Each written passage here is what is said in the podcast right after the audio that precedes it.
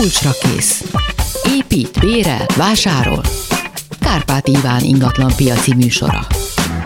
Ma általános ingatlan piaci áttekintést tartunk. Mi várható az évben az eddigi tapasztalatok szerint, valamint nagyon sok konkrét információ hangzik el a különböző támogatásokkal, hitelekkel kapcsolatban. Figyelem, kezdünk! Kulcsra kész. Kárpát Iván ingatlan piaci műsora. És vendégem Benedikt Károly, a Dunahouse marketing és PR vezetője. Szia Karcsi! Szia, üdvözlöm a hallgatókat! Um, hát erős évkezdet van, nézegetem a, a friss számokat, bejött más cégektől is, de nektek is már vannak nagyjából becsléseitek, amit az ingatlan.com-nál látok, ugye hát náluk is elég sok az adat, országosan majdnem 450 ezer érdeklődés érkezett az eladó lakásokra és házakra, ez a január, ez 76 százalékkal több mint egy hónappal ezelőtt. Hát most ez az érdeklődés, az minden érdeklődünk, tehát mindenki szeretne valami jobb helyzetbe kerülni, vagy valami nyereséget realizálni, de hogy ebből mi valósul meg, hát ez majd az év során ki fog derülni. Éves összevetésben ötödével csökkent a kereslet, de az előző január kiemelkedően élénk volt, jelentősen nőtt a feladott új ingatlan hirdetések száma, országszerte 53 os növekedés, községek is rákapcsoltak. Rengeteg az új lakás, a meghirdetett majdnem 1750 darab, hát ez a rengeteg, majd akkor erről is beszélünk, hogy ez mennyire rengeteg. Nálatok még így alakulnak a statisztikák, de így nagyjából, amit elmondhatsz eddig, az, az micsoda? hasonló tapasztalatokról tudok én is beszámolni. A, a közvetítőnk, közvetítőink, értékesítőink azért januárban mindig nagyon erős érdeklődést tapasztalnak. Ingatlanpiaci tendencia és szokás, hogy évelején az emberek megfogadják, hogy új, új lakásba költöznek, és hogy, hogy elkezdik keresni az államotthonukat, és ezért januárban mindig erős a, a kereslet, és majd tényleg január, február, márciusban fog látszódni, hogy ebből mennyi lesz a tranzakció, és mennyi, mennyien találják meg, és mennyien tudják kifizetni fizetni azt az államotthont, amit elképzeltek. Egyenlőre azt tapasztaljuk mi is, hogy az érdeklődés erős, és, és valószínűleg a, a, a tranzakciós adatok is magasak lesznek, egy, tehát egy erős januárral tudunk kezdeni, mind az ingatlan piacon, mind a hitelpiacon, és hát ez természetesen jóval erősebb, mint a december. A tavaly januárhoz képest azért várhatóan egy picit gyengébb lesz, de tavaly január egy külön, különleges helyzetben lévő január volt. Sok akkor különleges januárunk, igen, sok különleges évünk az van, és, időben. Igen, de akkor ugye nagyon-nagyon sok új család támogatási kedvezmények akkor realizálódtak, akkor élesedtek, és ez mindig-mindig látszódik a piacon. Idén nem volt ennyi változás, megmaradtak ezek a támogatások, de most már inkább arra kell majd figyelni, és gondolom erről fogunk beszélni. Fogunk hogy, persze hogy minden mik, zöld programmal, ki. babaváróval, falusicsokkal, mindenre ki fogunk De hogy beindult az ingatlan piac, ez, ez egyértelműen mondható, erős még a kereslet, és igazából mi egész évben erre számítunk, tehát hogy biztos, hogy 2021 is aktív volt, és 2022 is aktív lesz. Mennyi volt a tavalyi áremelkedés a használt és a, az új lakásoknál? Nehéz át, tehát átlagosan, egy átlagosan. 8, átlagosan 8-10 százalékos uh-huh. volt az emelkedés. Voltak lokációk, voltak az új építésű ingatlanok, például lakástípusként, ahol kétszemegyű volt, erős kétszemegyű volt az emelkedés, akár 20, 20 százalék fölött is volt ez tapasztalható éves szinten, és volt azért akár Budapest belvárosa, azért már ott is volt Igen. emelkedés, de ott nem volt olyan erős, ilyen nagyon nagy mértékű. Vidék ebből a szempontból? Vidék, hogyha áremelkedést nézzünk, akkor a, a, az alacsonyabb bázisról indulók felzárkóztak, és ott nagyobb volt az emelkedés, és egyértelműen, hogyha 2021-et így össze kéne foglalni, akkor az a vidék ingatlan piaca volt. Uh-huh. Akár megyeszékhelyek, akár tényleg a községek, a kis települések, akik nagyon-nagyon felzárkóztak, és hozták a, az ingatlan piaci forgalomnak egy jelentős részét. Budapesten volt emelkedés 2020-hoz képest, 21-ben tranzakciószámban, most már kijöttek a Kásának is a, az első három negyedéves adatai, és egyértelműen egyértelműen látszik, hogy Budapest egy kicsit zárkózott, de összarányában még Budapest mindig egy picit visszább esett, mint a, a, a aranykorban és a nagyon-nagyon nagy tranzakciószámmal rendelkező években. Ami, amennyire emlékszem is, erről beszélgettünk, hogy ez azzal van összefüggésben, és akkor ez már mérhető is, hogy az emberek nem csak Budapesten, de vidéken is az ottani kvázi agglomerációba kezdtek el kiköltözni a járvány miatt, tehát akinek megengedhette azt magának mondjuk, hogy egy belvárosi lakását egy vagy kül külvárosi, vagy agglomerációs, vagy egy nagyobb vidéki város melletti településre kiköltözzön, mert akkor inkább otthon ül egy olyan házban, aminek kertje van home office-ban, vagy karanténban. Ez akkor most már kijelentető, hogy ez nem csak egy sejtés, hanem az elmúlt két évre, ha visszanézünk, ez megvalósult? Igen, ez, egyért, ez egyértelmű tendencia.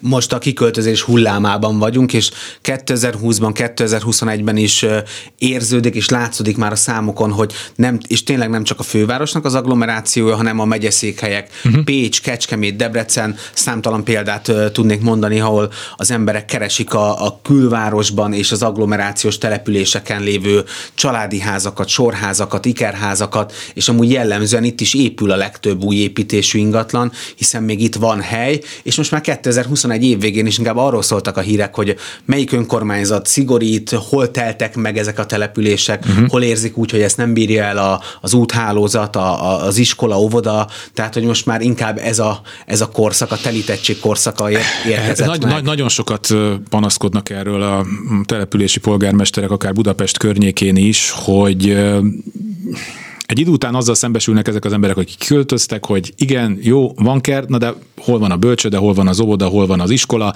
na akkor el kell vinni a m 0 a város másik részébe a gyereket, mert akkor valahová vinni kell, hogy, és amikor még nem volt ilyen hihetetlen robbanás az ingatlan piacon, már akkor is ezzel problémák voltak. Tehát elképzelhető, hogy ennek majd lesz egy visszapattanás, mint ahogy volt már erre példa korábban is az ilyen nagy kiáramlásoknál, hogy sokan rájöttek, hogy ez mégse tudja az életüket úgy keretezni, ahogy kell, és akkor ez visszajön, mert hogy az szinte egészen biztos, hogy egy nem tudom melyik, most nem mondok konkrét településeket, mert lehet, hogy pont náluk nincs így, de egy nagyobb, mondjuk az m 0 kívüli Budapest környéki településen, ahol tényleg a, nem tudom, azt ismerted ezt a játékot, ez a SimCity, amikor az ember így rakosgatott ilyen területeket, ahová majd lehet építkezni, meg így húzta az utat a semmibe, és akkor, hogyha jók voltak a körülmények, akkor az emberek oda költöztek. Na most ezt lehet látni, az ember megy, és ott volt egy szántóföld, de a szántóföldön már megy egy lebetonozott út, már jönnek ki a közművek, és akkor hogy épülnek a házak. Na most, hogy ezt nem fogja tudni az önkormányzat követni infrastruktúrával, óvónővel, meg, meg nem tudom én mivel, hát az egészen biztos. Tehát, hogy ez a probléma mikor fog ránk szakadni? Általán, rá, talán még nem szakadt ránk, de azért most már az első jelek ott vannak, hogy, hogy ebből lesz vagy lehet probléma azoknál a településeknél, ahol nem átgondoltan megy ez a település szerkezetnek a fejlesztése, az építési szabályozás nem szigorú vagy nincsen átgondolva, és tényleg még egy-egy kis telekre is lehet húzni ikerházat, ami aztán az abszolút zsúfoltságnak az érzését kelti négy-öt évente szokott lenni ilyen, kiköltözünk, visszaköltözünk, rájövünk, hogy, hogy ez mégse nekünk való, tehát valószínűleg a következő években, lehet, hogy nem 2022-ben, hanem inkább 23-24-ben biztos, hogy lesz egy visszaköltöző hullám, mm. és lesz, lesznek olyanok, akik inkább újra a belvárosi lakásokat részesítik előnyben. Ez nagyon sok mindenem múlik, hogy, hogy egy, a nagyvárosoknak az ingatlan piaca hogy fog fejlődni, az áremelkedés esetleg megáll, és akkor újra azt látják, hogy érdemes a belvárosban vásárolni ingatlant. Valószínűleg tendenciaszerűen ez be fog következni, és lesz visszaköltözőknek egy széles hulláma. Akik most olyan szerencsés helyzetben vannak, hogy mondjuk legalább egy ilyen önerőre való részt összegyűjtöttek, és most beszélgessünk kifejezetten az új építésű lakásokról. Uh, ugye azt tudtuk, és ezt e, tudjuk, és ezt ebben a műsorban is többször megbeszéltük, hogy nagyon szigorú feltételei vannak annak, hogy az ember hogy kaphat hitelt, tehát a Magyar Nemzeti Bank meghatározza, hogy a jövedelmének a hány százaléka lehet a törlesztő részlet, milyen fedezet kell, stb. stb. stb. Ez egy külön műsor.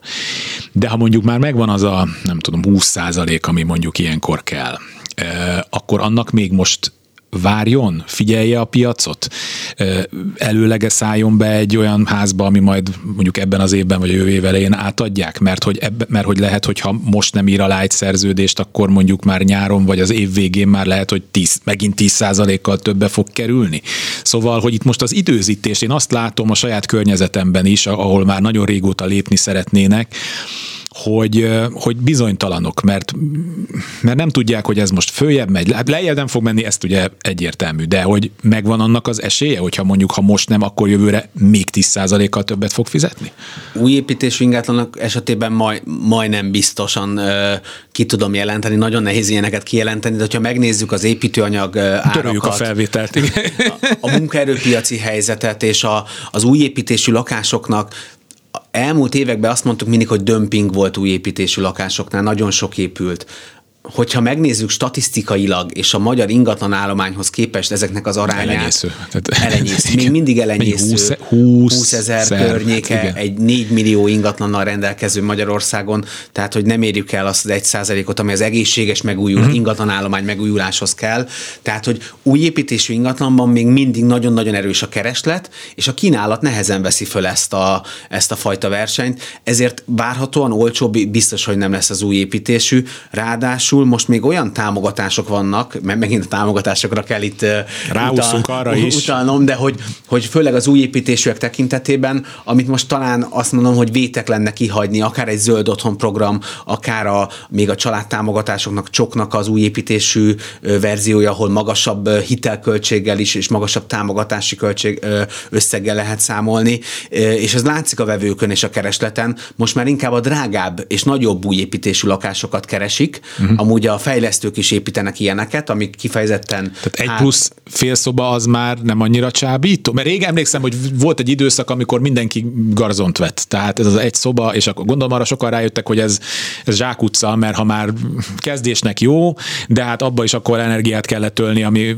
és utána jön a gyerek, vagy bármi történik, szóval, hogy most mi, a, mi a, az, ami felé Igen, egy csúszunk? kicsit merészebbek már talán, akik megtehetik, és azért itt mindig egy rétegről beszélünk, ugye, aki tényleg új építésű otthonban, meg új, új lakásban tud gondolkodni, azért nem a társadalom egész ez, de hogy ők merészebbek, pont azért, mert hogy viszonylag szabályozott most már a hitel ö, környezet, ö, tényleg szigorú szabályok vannak, hogy mennyi, mennyi hitelt vehetnek föl, bár most emelkednek a, a kamatok, de még a javarészt a támogatott hitelekkel ö, viszonylag jó kondíciókat tudnak felvenni, és hogyha az ingatlan állományt nézzük, meg az ingatlan árakat, akkor is nagyon afelé hajtja a, a piaca az érdeklődőket, hogy nem szabad várni, mert hogy sokkal jobb körű ö, áron és sokkal jobb választékból, vagy nagyobb választékból nem fognak tudni később se választani. Ezért bár ez mindig egyéni preferencia és egyéni élethelyzet, de hogyha valakinek megvan most adott feltétele és adott pénzügyi lehetősége, és megtalálta azt a lakást, akkor én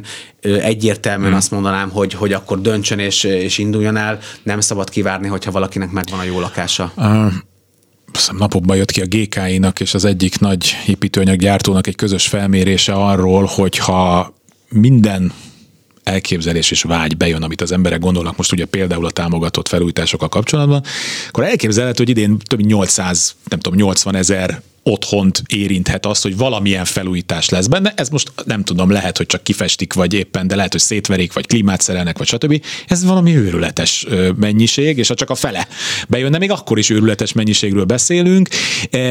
Ez Nincs is elég szakember ennyi. Na ezt akartam mondani, hogy az, az hogy, hogy erre valaki ki is jöjjön, vagy utána kijön és ne tűnjön el. Ugye hát ezt talán erre valamelyik mondjuk az árakat műsorban beszéltük meg, hogy az ember két hibát követhet el a, a, az iparosok, innen kérek elnézést, mert ez egy nagyon általános, de ha kifizeti meg, ha nem, mert akkor de ez, a, ez, a, ez a kettőt lehet mostanában csinálni. De a lényeg a lényeg, hogy ez megjelenhet ez megint lehet egy kvázi inflációs tény, tény, tényező a, a négyzetméter árakban, hogy jó, nagyon alacsony bázisról indulunk, tehát eszméletlen állapotban lévő lakások vannak Magyarországon, főleg mondjuk Budapest, belváros, stb. Tehát amihez tényleg az IKV nyúlt utoljára 1963-ban, akkor is minek. És ö, ö, szóval ez meg fog jelenni, vagy ez azért ez úgy szétterítődik, és ez már nem fog megjelenni úgy a, a fölfelé hajtó tényezők között? Ne, ez, ne, ez nehéz helyzet, vagy nehéz szituáció. A felújítandó lakásoknál azt látjuk, hogy, hogy azért a, az emberek nagy többsége, a vásárlók nagy többsége pont az általad említett okok miatt a új és jó, jó állapotú ingatlanokat keresi, hogy bár ha drágább is, nem kell már rá költeni, és nem lesz neki idő és anyagi hát igen, meg hogy effektíve legyen, aki megcsinálja, már ezt is igen. be kell számolni, mert nem biztos, hogy lesz. És hogy inkább a, van egy réteg, aki keresi ezeket a felújítandó ingatlanokat, remélve azt, hogy esetleg olcsóbban és jó áron meg tudja kapni, de azért ez a, ez a különbség ez eltűnögetett mm. az elmúlt években. Az alacsonyabb bázisról induló rosszabb minőségű lakások is drágultak, és még valamikor jelentősebben drágultak, mint a tényleg jó állapotúak. Felszín megszívja a piac ezt, és vannak befektetők, vannak szakemberek, akik direkt erre ö, ráépülve nagyon gyorsan felújítják, mert megvan a szakembergárdájuk, és hogy még magasabb áron értékesítik újra, ö, keresik ezeket a lakásokat is. Nagyon nehéz tényleg erre válaszolni, hogy ki milyen típusút keressen, Hát igen, mert az új építésű se jó mindenkinek, a, a nagyon jó állapotú használt lakás sem megfelelő mindenkinek, és a felújítandó sem. Ez egyéni döntés kérdése, és mindenkinek én azt tudom javasolni ingatlan közvetítői szemmel, hogy, hogy érdemes ezt körbejárni, és megnézni egy, egy ingatlant olyan szemmel is, hogy erre még mennyit kell költeni, ezt mi meg tudjuk-e teremteni, egyrészt az anyagi ráfordítását, másrészt időben, szakemberben van-e arra türelmünk, energiánk, hogy ezt végigvigyük, vagy esetleg vegyünk egy 10%-kal drágábbat, mert ilyen 10%-os különbségek vannak a, az állapotok között, egy, egy olyan állapotú ingatlant, amibe csak be kell költözni. Hát igen, és ugye ez is kiderül a betelefonálós műsorainkból, hogy igen, hogy ennyi négyzetméteres, tényleg 60 óta nem nyúltak, hogy hol van? Ötödik kerület. Jó, akkor egy millió forint kész. És a föl lenne újítva, hát akkor egy millió egy, vagy egy millió Igen. kettő. Tehát, hogy vagy valami extrém módon egy lakberendező által arany és feketébe öltöztetett lakás, és akkor arra ráírják, hogy egy millió hat, de akkor azt majd meglátom, hogy mikor adja el. Na mindegy. vagy még ennél is több, két millió, nem tudom, ötödik kerületben Most gyakorlatilag már van két millió fölött is. Igen, persze. tehát azért mondom. Na, de csusszunk rá akkor ezekre a támogatásokra, hogy ezekről hol tartottak, és itt vissza is csatolnék egy kicsit, amíg ami a beszélgetésünk elején volt, hogy, hogy vidéken is költöznek ki az emberek a kvázi agglomerációban, ami ott mond adott esetben egy a várostól, tudom, egy Debrecentől 20 kilométerre lévő falut érint. Ugye ez a falusi csok. Ez mit jelentett? Mi az, amiből, ami még él ezzel kapcsolatban? Bevallom, ebben nem vagyok képben, ebben, ebben sem. És mi az, amit erről még idén tudni kell, és hogyha ezt elmondtad, hogy befolyásolta mindez, mindig helyezzük ebbe a kontextusba, úgy általában az ingatlan piacot. Hogyha visszatekintünk az elmúlt eh, egy-két évre, akkor azért ez kimutatható, hogy a, a községek és a kis települések ingatlanpiaca felpesdült. Ez részben biztos, hogy a falusi csoknak köszönhető, aminek ugye, ugye az első, elsődleges célja, hogy a kis településeken, ahol a lélekszám csökkent, akkor ö, ott extra támogatással lássák el a családokat, és ne csak az ingatlan vásárlásra, hanem esetleg annak felújítására is adjanak támogatást, hasonlóan a csok rendszeréhez, tehát hogy milyen picit áthallásos, majdnem, majdnem egy csok, csak egy falusi csok, ami, ami egy picit könnyedebb feltételeket biztosít, és például felújításra is használható.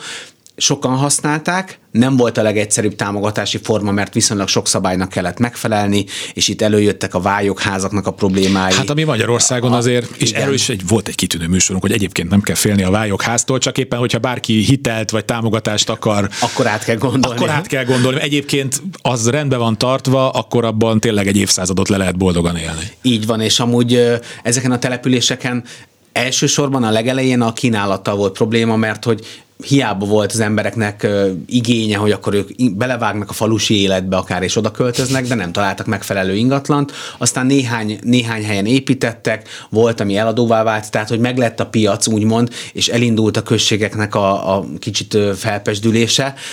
De, de hogy ez is határidős, és a falusi csokról azért kell 2022-ben beszélni elsődlegesen, vagy először, mert hogy ennek jár le először a határideje. Uh-huh.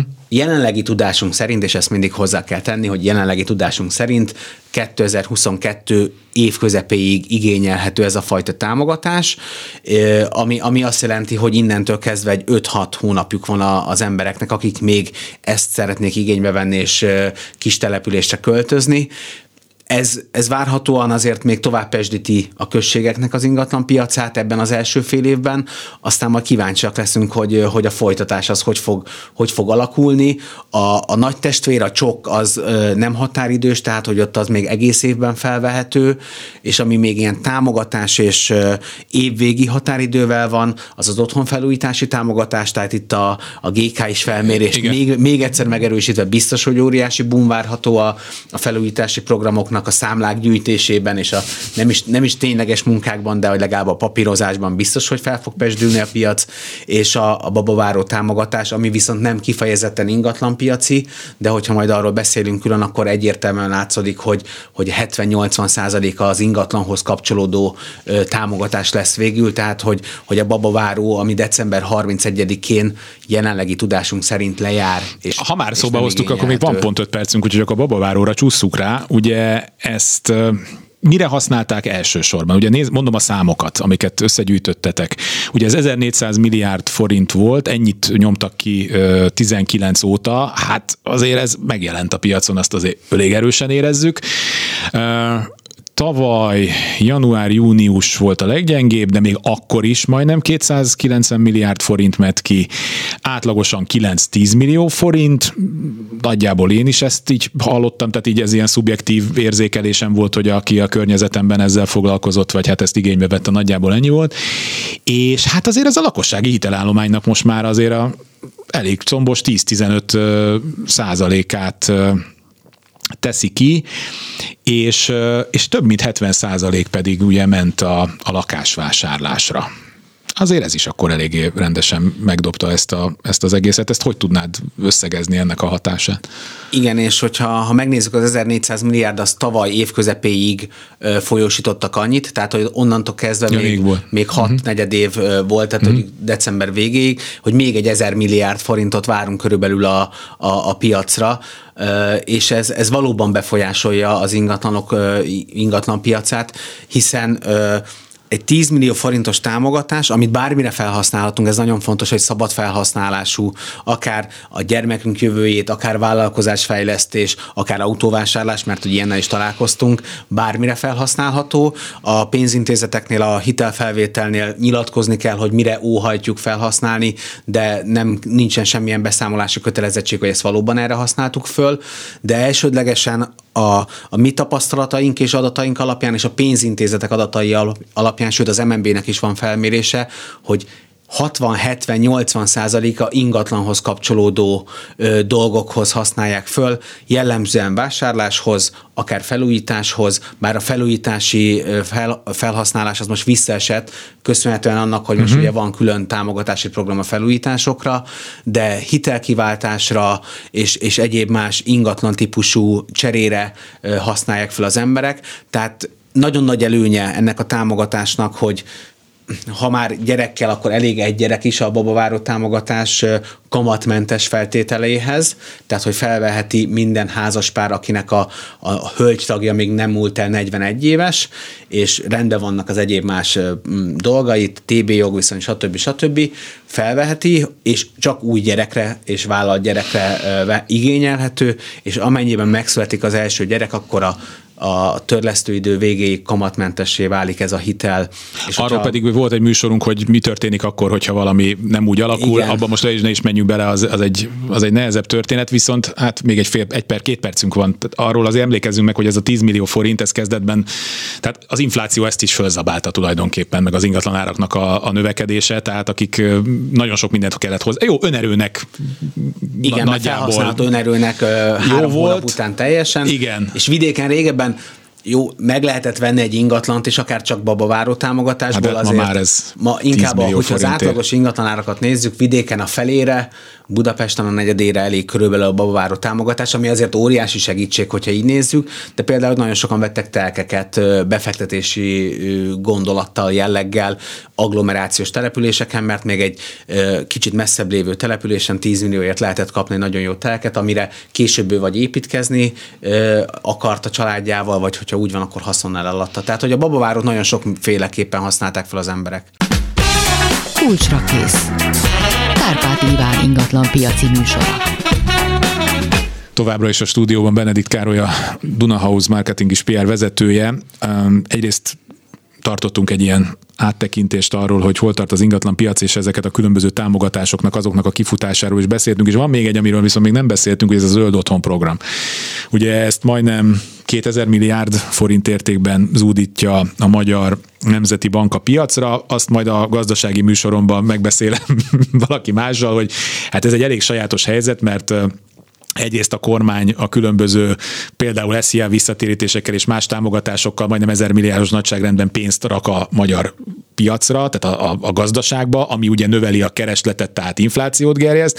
Közben a Magyar Nemzeti Bank nem győzi emelni a kamatokat, hogy valahogy ugye fékezze az inflációt, de közben még a Magyar Nemzeti Banknak is vannak olyan termékei vagy támogatásai, ami viszont hát legalábbis még ilyen régi tankönyvszerűen növelnie kell a, valamennyire a a, a keresletet, és a, bocsánat, a, a, hogy van ez, a keresletet, ami ugye a kínálatnál följebb viszi az árakat, de közben meg jól gondolom, hogy ez a zöld otthon program tulajdonképpen ez, tehát már nem is lehetne rosszabb minőségű, zöldebb ingatlanokat építeni sem Magyarországon már ettől az évtől, nyártól, vagy hogy van ez a történet? Ezt magyarázd el, légy szíves. Igen, csúszott egy kicsit itt az EU szabálynak a bevezetése, de most már nyártól tényleg csak a jó energia tanúsítványa rendelkező minimum BB minősítése rendelkező új építésű lakásokat lehet építeni és lehet forgalomba hozni azért, hogy inga, és akkor nézzük csak ingatlan Jó. piaci szempontból. Igen. A zöld otthon programot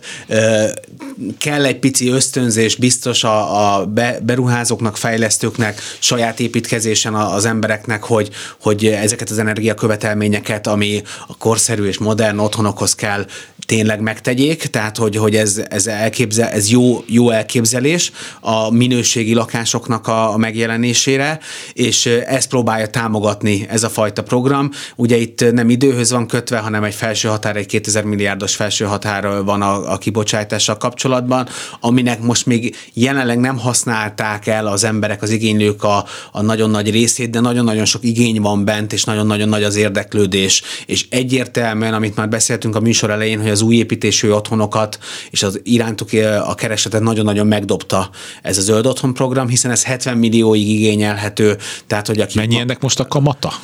Kett, változó, mert hogy itt is a pénzintézettől függ. Igen, és megy az alapkamat de is hogy ez 3 alatt van még Aha. most is 2,5 hát ez nagyon, Igen, ez nagyon versenyképes. Igen, tehát hogy ennél, ennél jobb hitel feltételekkel nem lehet felvenni igazából hitelt, és pont ez látszik az új építésű piacon is, hogy nagyon meg, meglökte ez a piac, és inkább a nagyobb lakásokat is keresik már, illetve természetesen nem csak társasházi lakások, hanem építkezések, családi házak, ikerházak, sorházak, amiket mindig szoktunk említeni, ezeknél is ugyanúgy felvehető, abszolút érződik a, a piacon, és, és abszolút látjuk ennek a, megjelenését. Amúgy hitel szempontból ez szintén egy viszonylag erős szabályoknak kell, hogy megfeleljen a, mind az ingatlan, mind a hitelfelvevő, tehát egy picit bonyolultabb termék. Ezzel a közvetítők nagyon sokat ö, szenvednek ilyen szempontból, tehát hogy, hogy a, na, minden ember hallott róla, minden ember érdeklődik, szeretné megtudni, hogy akkor ezt fel tudja venni, vagy nem tudja fölvenni,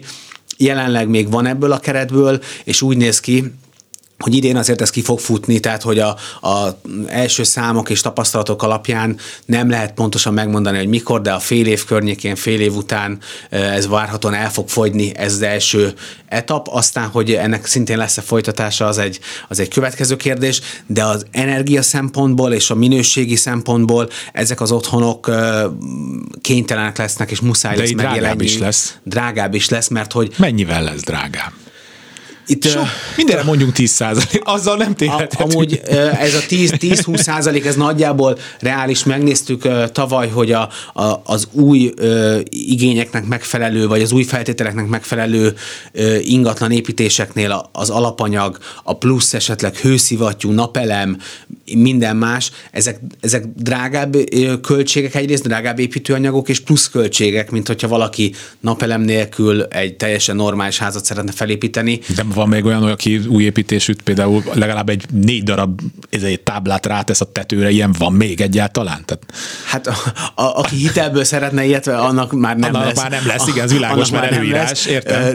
Ugye vannak, akik nagyon, tehát mindent saját maguk építenek, és próbálják minimalizálni a költségeket, de, de hogyha szakmai szemmel nézzük, ezek nem észszerű dolgok, mert hogy tényleg a... Hát hosszabb távon nyilván ezen visszajön az ár, de kifejezetten hosszabb távon, tehát most nem két év alatt fogja megspórolni ezen, hanem mondjuk 10-20 év távlatban, de hát általában egy ilyen házat azt nem három Igen. évre veszünk. Egyébként, hol, mert gyakorlatilag majdnem, hogy új építésűnek számítanak még akár mi hivatalosan, mi a, mire lehet azt mondani, hogy új építésű? A technikailag az új építés, amiben még nem laktak, tehát Aha. amit te újonnan vásárolsz, és te vagy De az első. hirdetik, a rengeteg hirdetnek olyan, hogy mit tudom, 2010-es, lakások, az igen, már újszerű. Az 5 éven belüliek, azok újszerű. Jó, új... a kérdésem lényege az, hogy, hogy egy 5-10 évvel ezelőtt itt már e szerint mondjuk a kritériumok szerint, amit mondjuk ez a zöld otthonhoz kell, azok már baromi elavultak ez a, igen, hogy ehhez lehet, hogy nem is én, mint ingatlanos, hanem valami energia. Energeti. Jó, ez a következő műsorunkval. Kell. Nem annyira elavultak, és azért a társasházak nagy többsége az elmúlt öt évben épült, szintén korszerűnek számít, és jó energia tanúsítványa rendelkezik. Lehet, hogy a legszigorúbb BB energia tanúsítványnak és a, a megújuló energia hányadának nem felel meg, és ezért van, tehát új, pont ez a program nem használható föl, de élhetőség szempontjából, meg ingatlan szempontjából az elmúlt öt évben épült, normálisan megépült ingatlanok teljesen korszerűnek számítanak, és jó tulajdonsággal rendelkeznek. Hmm. Az, ez a jel, én most nemrég jártam egy, végigautóztam egy Budapestnek egy ilyen külső kerületének, ilyen klasszikus, ilyen, hát ezek a kádár, régebben kádárkockás környéknek mondhatom, és ahogy feltételezem, hogy halnak ki belőle a, a korábbi generációk, idősebb emberek, a, a, az örökösök valószínűleg eladják, nem akarnak már oda kiköltözni, és ezekre a telekekre megjelentek eh, hát ilyen minimum négy-hat lakásos, ilyen nem is sor, társas házak, ami hát Szóval ilyen furán néz ki az egész, tehát hogy ez most ez trend így a Budapestnek ebbe a, ez nem agglomeráció, tehát ez kifejezetten Budapest közigazgatási területéről, ha beszélünk, ez, ez, ez trendé vált? Tehát, hogy mondjuk akár 16., 17., 18. kerületben ezekren a régi klasszikus családi házaknak a helyén már nem építenek régi klasszikus családi házakat, hanem nyilván a profit maximalizálás van már, meg a területnek a nem tudom gondolom elég kreatív kihasználása, és ez abszolút trendé alakult? Abszolút, én is nagyon sok ilyet látok amikor egy tipikusan régi, egy pár száz négyzetméteres telken, ami, ahol egy családi ház nagyon kényelmesen elfért kiskertel, elől, hátul, garázsal, minden mással, hogy ezekben a, a, a kihalt, aki, hogyha valaki megörökli, eladja, és akkor erre tipikusan ráfér egy három-négy lakásos modern társasház, ahol, ahol egy ilyen 60 kötője 80 négyzetméteres lakásokból emelettel meg tudja, meg tudja oldani a beruházó, és hogyha a telekárakat nézzük, meg a beruházási költséget, akkor így jár valószínűleg a legjobban, és így tudja a legnagyobb profitot termelni. Egyrészt ennek van egy jó hatása, mert hogy tényleg új építésű ingatlanba tud költözni, aki ilyen társasházat vesz, és viszonylag egy kis létszámú társasházban, tehát hogy ennek vannak jó oldalai, hogyha a környéket nézzük, és hogyha a, az ingatlan típust nézzük, akkor viszont azért ez egy ugyanolyan társasház lesz, esetleg egy nagyon-nagyon kis közös kertel, és nem lesznek meg a kertesház tulajdonságai, és hogyha Budapest külsőbb kerületeiben is, ugyanúgy, mint az agglomerációról beszéltünk, hogy mit bír el az adott település, az adott Igen. kerület, az adott kerületnek a kerület része, ez már egy külön kérdés, mert hogyha egy tényleg egy kertes, kertvárosi családi házas övezetnek rendezkedett be az elmúlt 100-200 évben, akkor nehezen fogja elbírni azt a fajta terhelést, ami, amit a plusz új lakások jelentenek, de ingatlanpiaci szempontból egyértelmű trend, hogy, hogy helykihasználtság és a, a költségek miatt megjelennek ezek a több lakásos társasházak. Na nézzük akkor a, hát a belső kerületekben is megjelent egy trend, legalábbis, mint írjátok az egyik elemzésetekben, azért ugye hát ezért a, a teljes volumenhez képest ez elenyéző, de ezek a ti minigarzonoknak nevezitek, és én mondanám, hogy ezek a 20-30 négyzetméteres lakások, de nem, ezek a 10-20, tehát 10 négyzetméterért, és rákerestem uh, ingatlan hirdetésekben, és, és lehet. Tehát, hogy de, de már azzal bepróbálkoznak, hogy egy nem tudom, nyolcadik kerületi, a plafonig salétromos, penészes, nem köz, tehát, hogy nincs benne se WC, semmi, úgy árulják, hogy hát akkor ebből, te, de valami, ráadásul valami félelmetes áron ahhoz képest, hogy ez egy, ez egy élhetetlen borzalom, hogy majd ez majd a befektető megveszi, hát aztán majd meglátjuk, hogy mit, de egyébként ezekből jó dolgokat is ki lehet hozni, ugye hát sokszor privatizáltam már ebben a műsorban arról, hogy hát én nekem is volt szerencsém, hogy 26 négyzetméteren egy száz éves ház földszintjén eltölteni néhány évet, hát megvannak a maga kihívásai a dolognak,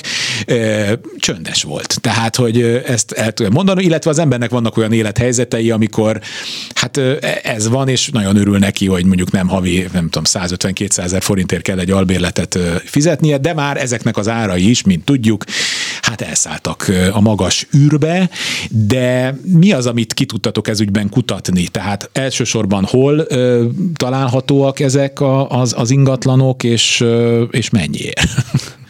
Igen, és majd itt jönnek a bűvös milliós négyzetméter A bűvös milliós négyzetméter de, de hogyha elhelyezkedésében tekintjük, mi is megnézzük az adatbázist, hogy 20 négyzetméter alatti ingatlanokat, amit kínálunk, akár eladásra, akár kiadásra, hol helyezkednek el, és hát jel, két jellemzően a belvárosban 6-7-8. kerület, nem is a szűkenvet, nem is az 5. kerületi belvárosban, hanem kicsit a tágabb belvárosban mm-hmm. találhatóak jellemzően ezek az ingatlanok, hiszen itt vannak olyan társasházak, tipikusan régi bérházak, téglalakások, ahol, ahol vagy már volt ilyen, típusú lakás, cselédszoba, akár egyéb más helység, amiből kialakítható egy ilyen kisebb lakás, vagy, vagy már meglévő lakás. Házfelügyelői. Házfelügyelői. Én is szoba, olyan laktam. Szoba, igen, ami közel a bejárathoz, és mindent lehet látni és hallani vagy meg, itt egy másik keletkezési módot is észrevettünk, és az elmúlt években ez, ez jó, ez keletkezési egy... mód, ez egy nagyon jó kulcs. Mert ezeket a lakásokat ezek nem, úgy keletkeznek, igen. Ne, nem építik, hanem egy, egy ilyen 50-60 négyzetméteres lakásból tudnak jobb esetben kettőt, még jobb esetben akár három kis lakást is kialakítani. Itt azért már kell figyelni a társasházi szabályokra, és a, hogy mit enged a, a szabályzás, hogy akkor külön bejárati ajtóval rendelkeznek, de hogyha nagyon sok esetben nem rendelkeznek, és nem is rendelkezhetnek, tehát nem lehet kettő vagy három lakásába bontani ezeket. Úgy szokták akkor megoldani, hogy egy bejárati ajtó, és akkor egy kis előtér, és ahonnan nyílik a két vagy három lakás. Ezek tipikusan jók kiadásra, akár rövid távon, akár hosszú távon, és hogy nézzünk előnyöket is, ingatlanpiaci előnyöket, azért ezeket a lakásokat jellemzően tényleg profi befektetők vásárolják meg és újítják föl, és minőségileg egy nagyon elavult, nagyon rossz ingatlanból készítenek egyet, vagy felújítanak egy nagyon jó, nagyon jó rend, minőségi tulajdonságokkal rendelkező lakást, tehát van ennek előnye. Mm. És hogyha ha azt nézzük, hogy nagyon sok embernek ez a belépési küszöb, és ez a 20-25 millió forintos lakásár, vagy 30 millió alatti lakásár, amit még meg tud fizetni, akkor kezdő lakásnak, egy fiatalnak én azt mondom, hogy nagyon sok esetben tökéletes, mert ezek jó elhelyezkedéssel rendelkeznek, tehát hogy lokációban jók, minőségileg, hogyha jól van felújítva, akkor, akkor egy élhető, lakást biztosít. Tény és való, hogy ebben nem lehet egy-két gyereket, vagy le, lehet szülni hát egy-két gyereket. Igen, de... Például a, a családtámogatási kedvezmények, például a csoknak a, a négyzetméter kritériuma, ott ugye egy gyerek esetében is minimum 40 négyzetméteres lakásnak kell lenni, tehát azért nagyon helyesen a, a, ezek a családtámogatási rendszerek erre figyelnek, hogy, hogy ilyen, ilyen kis alapterületű lakásokat ne lehessen megvásárolni ezekből a támogatásokból. Ugye Budapestnek ez a lakásállománya a világháború után is érdekesen alakult, hogy az 50-es évben földarabolták a nagypolgári lakásokat, rengeteg szükségmegoldás született, a részben újjáépített, ugye a romokban hevert az egész város, hát olyan, meg hát aki járt már a Budán vagy Pesten belvárosi lakásba, hát ott olyan, olyan alap, nem alap, hogy hívják ezt? Tehát, hogy a, a lakásnak az alaprajz. Alaprajz. alaprajz ez a szó, nem jutott eszembe. Tehát olyan alaprajzok vannak, amik nincsenek. Tehát, hogy tehát olyan átjárók, kis és nagy ajtók, akkor nem volt benne fürdőszoba WC, de a 60-as években leválasztottak belőle valamit. Akkor az két lakás lett. Akkor én még a főutcában laktam egy olyan lakásba, ami egy ilyen, az is kicsi volt, hát ez az én életem, tehát akkor az egy 36 négyzetméteres lakás volt, és a, az mi egy ilyen Dunára néző lakásnak a, a, a körfősos nyúlványában laktunk, mert ott lett levágva valamikor a, nem tudom én gondolom az 50-es években, és ebből igazából rengeteg van. Budapesten, és, és ez egy ilyen nagyon sajátos adottság. Mondom, ki, ami még mázli, kérdezem én, hogy akkor ebből, ki, ugye ez a belmagasság. Mert ha ezek még mondjuk tényleg egy ilyen, nem tudom én, három méter lenne, akkor az a teljes pokol, de hát ezek valamikor négy méter, sőt, abban a házban, meg most lakom, azt hiszem a földszinti lakások ilyen négy és fél méter belmagasságúak. És galériázottak. És galériázottak, és hogyha ha nézegetem a hirdetéseket, akkor sok olyan van, amiből gyakorlatilag már nem is érzékeli az ember, hogy egy galéria, hanem egy ugye full lezárják ugye a, a felső részt, egy ilyen lépcső fölmegy, és azt már majdnem úgy, úgy hirdetik, hogy nem tudom én. Az 40 négyzetméter. Az négyzetméter, igen. Hisz mert, dupláztuk a, meg, az alapterületet. Azt hogy számolják bele ezeket a... Ez már ilyen árazás, árazás, árazás függő, hogy, hogy meg hogy ki hogy hirdeti meg. Ezek alapterületében amúgy egy 20 négyzetméteres lakás, vagy 15 igen. négyzetméteres lakás. Alkú kérdése. Mert hogy a, ha a földhivatalhoz bemegyünk és megnézzük ezeknek a papírját, akkor biztos, hogy nem, nem 30 négyzetméter fog szerepelni.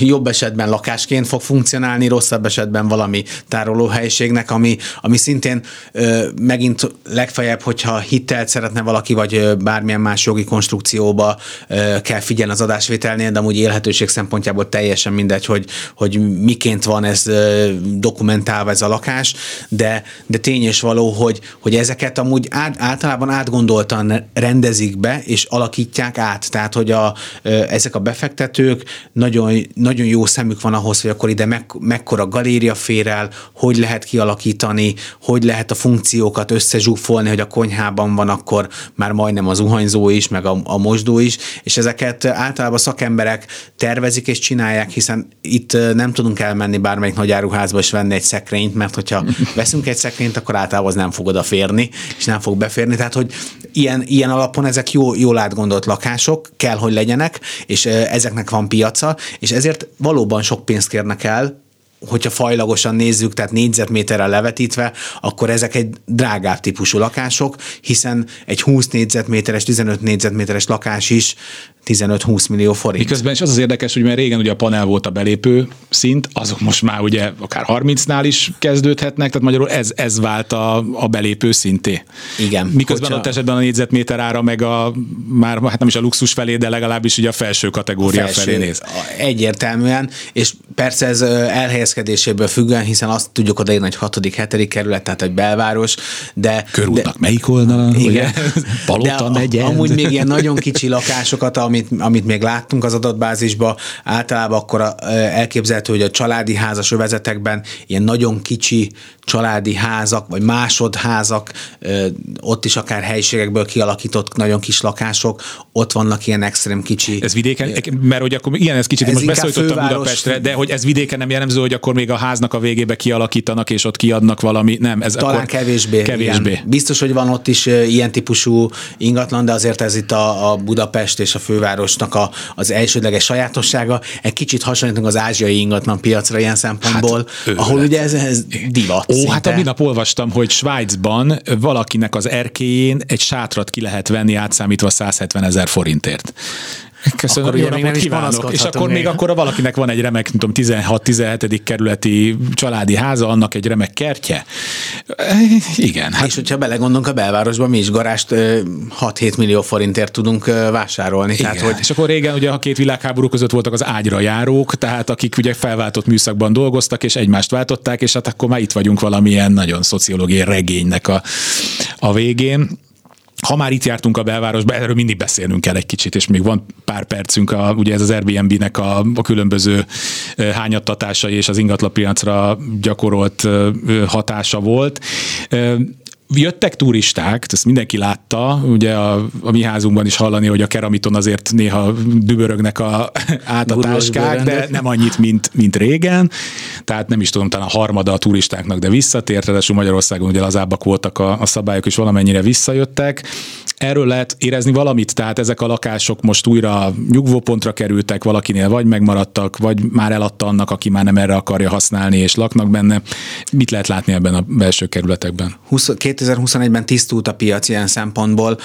Tényleg megmaradtak azok a rövid távú lakáskiadásra szánt lakások, akik komolyan gondolták, és akik nagyon várták, hogy visszatérjenek, és üzletszerűen ebből éltek. Ők megmaradtak, és igazából 2021-ben már nem volt olyan nagyon-nagyon rossz évük, mert hogy hogyha nem is telt házzal és nem is teljes kihasználtsággal, de, de voltak turisták szép számmal, és még vannak a mai napig akik meg nem gondolták ezt komolyan, belátták, hogy ez nehéz, és ilyen ínseges időszakban nem olyan könnyű ezt művelni, azok vagy átálltak hosszabb távú lakáskiadásra, vagy akár el is adták a, az ingatlant, de hogy a, a megmaradt piac az viszont látható, még érezhető a rövidtávú lakáskiadások piacán, és jól működik, és hogyha ha a bérleti díjakat nézzük, és itt nem a rövid távú, hanem inkább a hosszú távú lakáskiadásból, akkor 2021-ben már majdnem visszazártak az árak a 2019-es, és a, hogy a 2020-at nem nézzük, ott az ottani mély zuhanás után rendeződtek az árak. Valószínűleg 2022-ben is e környékén fog mozogni, pici emelkedést várunk a, a bérleti díjakban, de nem olyan óriásit, és nagy kérdés, hogy akkor az, a turisták és esetleg a külföldi vásárlók milyen mértékben térnek vissza, de arra számítunk, és arra számítanak a, a ezzel foglalkozó szakemberek is, hogy most már azért jóval nagyobb számban kezd normalizálódni a, a, a turizmusnak a piaca. Ez a belvárosi ingatlanokra azért jó hatással lesz valószínűleg. Helyeződik át, vagy abban megmaradnak a trendek, hogy az új beruházások hol lesznek Budapesten? Tehát azt látjuk, hogy a 13. kerületben, meg az újpesti részen, ott tehát így a észak, egyre északabbra tevődnek át ezek a projektek, ugye egyre nagyobbak, egyre közelebb a Dunához. Ez, ez a trend, ez most így egyelőre kitart, tehát amik elindultak, ezek nem is tudom hány lakásos, több ezer lakásos beruházások. Igen, aztán most a 13. kerületben is 7, tehát több ezer lakás uh-huh. épül, 13. kerület abszolút a, a vezetőhelyet tölti be évek óta nem lehet megelőzni. Nagyon erős még a 11. kerület, ahol nagyon, szintén nagyon sok fejlesztés uh-huh. van. Zugló szépen zárkózik, és most ott a Rákospatak mentén nagyon sok fejlesztés indult el, vagy már átadás előtt van, ott is nagyon sok új építésű lakás található. Ezek a slágerkerületek, ahol nagyok, és vannak még helyek. Uh-huh. Érdekes átrendeződés lesz esetleg, hogyha a külkerületekben az úgynevezett rozsdaövezeti telkeket átminősítik, és adnak rá kedvezményeket, Újpesten amúgy van ilyen, Csepelen is van uh-huh. ilyen, tehát a külső kerületekben számtalan ilyen található, hogyha a piac eléri azt a szintet, hogy itt itt lehet profitábilisan fejleszteni, és a nagyberuházók erre hajlandóak, és megkapják azokat a kedvezményeket, amik erre ösztönzik őket, akkor lehet egy kicsi eltolódás ezen a területen, és hogy kicsit kijebb húzódhatnak az új építések, mert hogy Budapesten is azért van néhány olyan kerület, ahol elenyésző számmal a, a, a fejlesztés, ahhoz képest, hogy máshol meg viszonylag nagyobb számban vannak. Itt ugye telek elérhetőség, a belvárosban nem számíthatunk új építésű dömpingre a következő években sem. Ezekben a külső kerületekben és rozsdővezetekben ez érdekes lehet, és ez külön kis szint adhat a, a budapesti ingatlan piacnak. De be, tetőráépítés divat még most így 2022-ben a belvárosban, mert hogy miután telek már nincsen? Ő, szerintem a legtöbb ház, ahol lehetett, azt, azt már beépítették. Azt már beépítették, de azért még nézik a lehetőséget, mert például a családtámogatásoknál a csok ugye már itt is ilyenre is felhasználható, vannak még ilyenek, és ez a társasházaknak szintén jó, mert ha új liftet kapnak meg, kicsit kívülről rendbeszedik a házat, akkor azért ez előnyös a belváros szempontjából, lehet ilyennel találkozni, de a összámuk azért a, a nagy, nagy piachoz képest elenyésző, a, tehát emelet ráépítésnek is. Hát azt hiszem egy elég széles spektrumon megnéztük, hogy mi, mi volt és mi várható ebben az évben Benedikt Károlynak, a Dunahouse Marketing és PR vezetőjének. Köszönöm szépen, hogy újra itt voltál velünk. Én köszönöm. Kamasz László volt a szerkesztő, Dobos Krisztia telefonos, és Kemény Dániel pedig technikus kollégám Kárpát Ivánt hallották. Találkozunk egy hét múlva. Kulcsra kész. Kárpát Iván ingatlan piaci műsorát hallották.